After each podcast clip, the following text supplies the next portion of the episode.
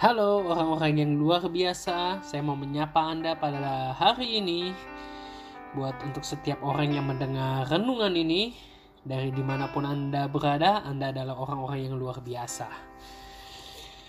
Oke, kita tahu kita masih hari ini kita masih merayakan tentang kenaikan Tuhan Yesus yaitu ini sebenarnya tentang masa-masa sebelum hari Pentakosta. Kalau kemarin kita udah bahas apa yang terjadi pada hari raya Pentakosta saya mau lanjutkan kembali. Ini masih berhubungan dengan hari-hari Pentakosta. Kalau kita bahas tentang Pentakosta itu erat kaitannya dengan sebuah pribadi seorang pribadi yang bernama Roh Kudus. Tapi yang menjadi pertanyaannya siapa sebenarnya Roh Kudus itu?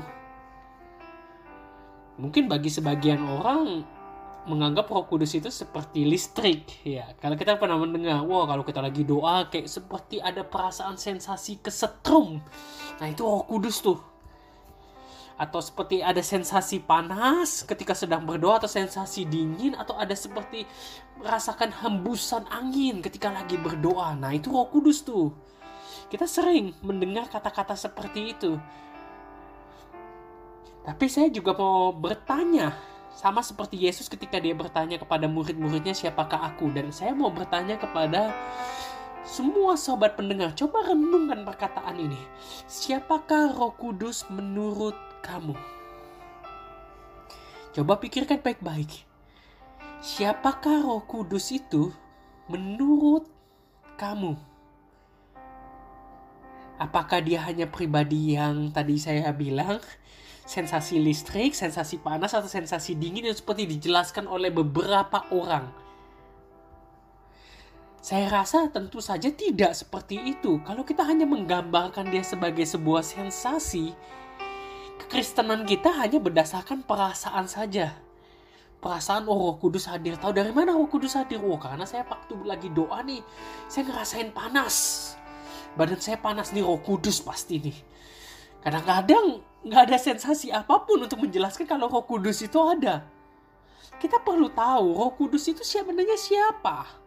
Roh Kudus itu adalah pribadi Allah sendiri. Kita percaya Tritunggal ada Bapa, Anak, Roh Kudus. Peranan mereka ini sama. Bahkan di dalam kitab penciptaan, ketika dia menciptakan Adam dan Hawa, dia ngomong, uh, marilah kita membuat kita membuat. Be kata kita di sana kan mengandung arti jamak bukan hanya satu pribadi ada tiga pribadi Bapa Anak dan Roh Kudus. Jadi Roh Kudus itu sendiri siapa? Ya pribadi Allah sendiri. Nah, saya mau melanjutkan lagi pertanyaan kenapa kita butuh Roh Kudus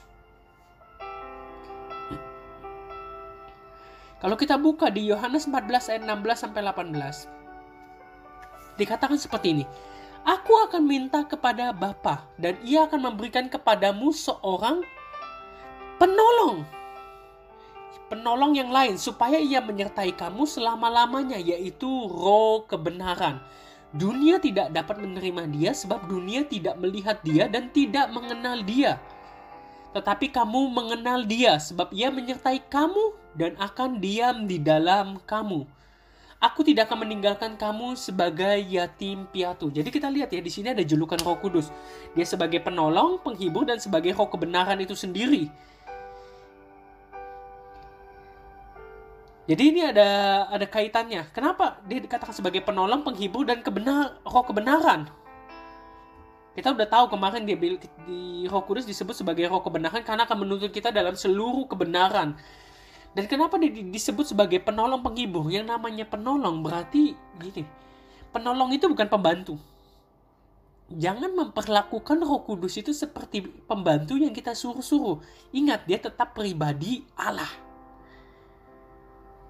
Dia itu penolong yang akan menolong kita. Karena apa? Di ayat 18 tadi dikatakan, aku tidak akan meninggalkan kamu sebagai yatim piatu. Uh, sobat pendengar pernah lihat nggak yatim piatu itu seperti apa? Mereka orang-orang yang nggak bisa melakukan apa-apa. Karena keterbatasan sumber daya mereka, banyak hal yang mereka tidak bisa bekerja.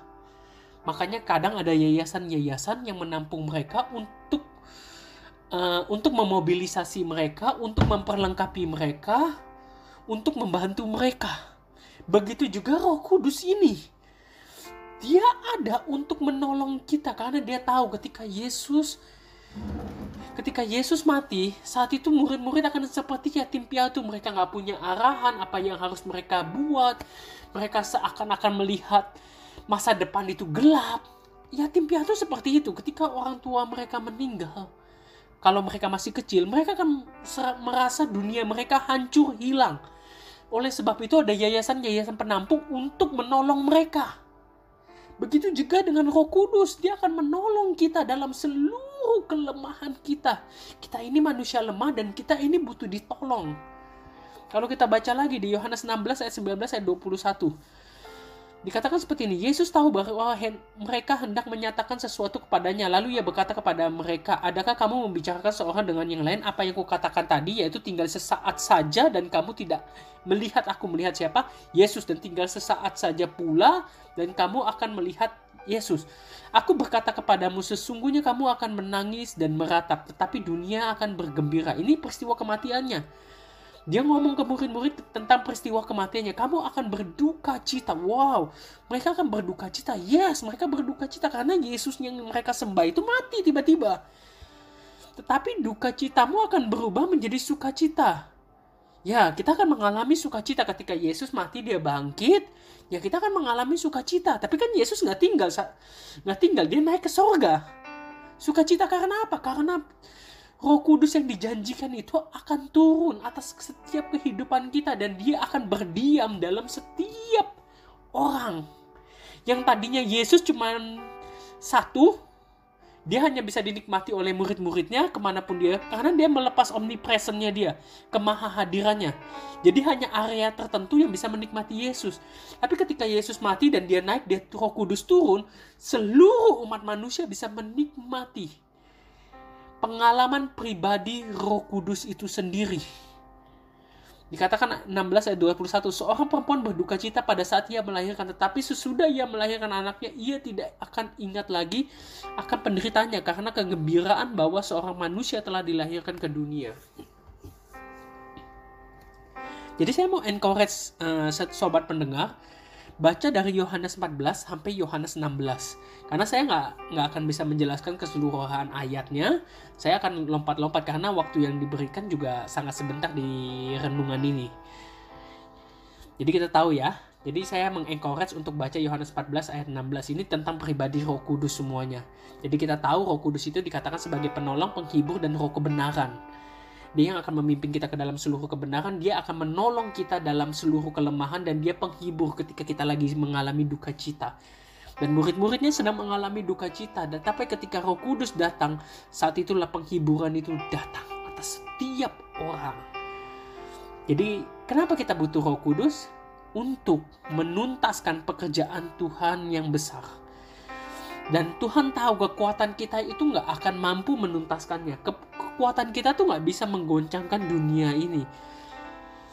Perhatikan, waktu hari raya Pentakosta ketika murid-murid dipenuhi roh kudus saat itu mulailah kegoncangan terjadi di seluruh lapisan masyarakat.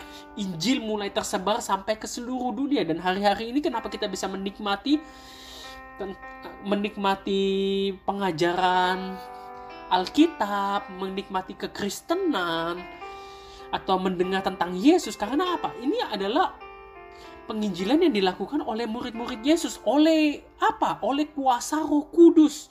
Kenapa mereka dimampukan? Karena ada kuasa roh kudus yang memampukan mereka. Jadi kenapa kita butuh roh kudus? Ya salah satunya untuk menuntaskan pekerjaan yang besar. Dan ke, Tuhan tahu kekuatan kita nggak akan mampu untuk menuntaskannya. Ya, itu pertanyaan yang kedua. Dan pertanyaan yang ketiga, oleh sebab itu saya percaya betapa pentingnya kita belajar untuk berjalan bersama Roh Kudus karena kita tahu ke depan ini ada pekerjaan yang besar dan kita memerlukan Roh Kudus. Memerlukan Roh Kudus bukan dalam artian Roh Kudus menjadi pembantu kita yang kita arahin, tapi kita yang available sebagai alatnya yang bisa dipakai oleh Roh Kudus sebagai perpanjangan tangannya dan kita perlu belajar bagaimana caranya berjalan bersama Roh Kudus. Dan kalau kita ngomong bagaimana sih caranya jalan bersama Roh Kudus? Dan mau nggak uh, semua sobat pendengar kita berjalan bersama Roh Kudus? Pasti jawabannya mau. Tapi kita perlu belajar dari teladan Yesus bagaimana dia berjalan bersama Roh Kudus.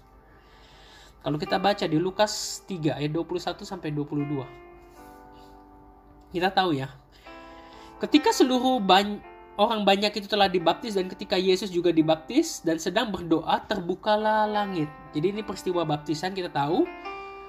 Dan turunlah roh kudus dalam rupa burung merpati ke atasnya. Ke atas siapa? Ke atas Yesus. Dan terdengarlah suara dari langit. Engkaulah anakku yang kukasih. Kepada mula aku berkenan. Kita buka lagi kisah 10 ayat 38. Dikatakan seperti ini, yaitu tentang Yesus dari Nazaret. Bagaimana Allah mengurapi dia. Jadi siapa yang mengurapi Yesus? Allah. Allah mengurapi dia dengan apa? Roh Kudus dan kuat kuasa. Dia yang berjalan berkeliling sambil berbuat baik dan menyembuhkan semua orang yang dikuasai iblis sebab Allah menyertai dia. Jadi Yesus selama di bumi dia bergerak dalam kuasa Roh Kudus. Nah pertanyaannya, Yesus kan Tuhan. Kok dia perlu roh kudus. Harusnya kan dia ngelakuin mujizat sendiri. Nah, ini unik. Dia kan pribadi Allah. Katanya tiga-tiganya pribadi Allah. Nah, kenapa sekarang pribadi Allah butuh roh kudus? Kan harusnya dia bisa melakukan mujizat sendiri. Ngapain harus diurapi dengan roh kudus? Dan kita perlu tahu di Filipi 2 ayat 5 sampai 8 dikatakan seperti ini, hendaklah kamu dalam hidupmu bersama menaruh pikiran dan perasaan yang terdapat juga di dalam Kristus Yesus. Jadi kita perlu nih taruh pikiran perasaan kita yang seperti Kristus Yesus. Yang walaupun dalam rupa Allah tidak menganggap kesetaraan dengan Allah itu sebagai miliknya yang harus dipertahankan, melainkan telah mengosongkan dirinya sendiri dan mengambil rupa seorang hamba dan menjadi sama dengan manusia dan dalam keadaan sebagai apa? Manusia ia telah merendahkan dirinya dan taat sampai mati. Bahkan sampai mati di kayu salib. Oh, ini alasannya kenapa dia butuh kuasa Roh Kudus ketika dia berjalan. Karena dia ketika menjadi manusia dia pure benar-benar manusia. Dia lepaskan kemahakuasaannya dia tanggalkan jubahnya itu. Dan dia turun ke bumi sebagai manusia dengan tujuan apa? Memberi contoh. Memberi contoh untuk apa? Bagaimana cara manusia itu bisa berjalan dalam kuasa roh. Dalam kuasa roh kudus. Dan kuncinya ada di ayat Filipi ini dikatakan gini dia melainkan telah meng, di ayat 27. Eh ayat 7 sorry. Melainkan telah mengosongkan diri sendiri dan mengambil rupa seorang hamba dan menjadi manusia dan dalam keadaan sebagai manusia ia telah merendahkan dirinya dan taat sampai mati bahkan sampai mati di kayu salib. Ayat 7 saya ulang lagi, melainkan telah mengosongkan dirinya sendiri. Jadi kunci kehidupan Yesus berjalan bersama Roh Kudus adalah gini, mengosongkan diri hidup dalam kematian daging. Wow. Ini hal yang susah, mengosongkan diri. Apa maksudnya dari mengosongkan diri? Saya akan coba berikan sebuah gambaran. Ini sebuah ilustrasi. Saya akan buat ini kehidupan kita gelas. Seperti gelas.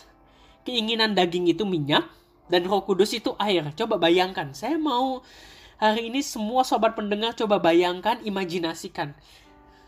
Ini ada sebuah gelas, gelas ini diri kita. Dan ketika gelas itu saya tuangkan minyak. Minyak itu kan keinginan daging kita. Terus saya tuangkan air. Minyak dan air kita tahu itu nggak akan pernah menyatu. Dan namanya di dalam gelas kalau ada minyak dan air, nggak akan ada orang yang mau minum. Siapa pun kita tawarin nggak akan ada yang mau minum. Kenapa? Karena hal itu nggak akan bisa dinikmati oleh orang.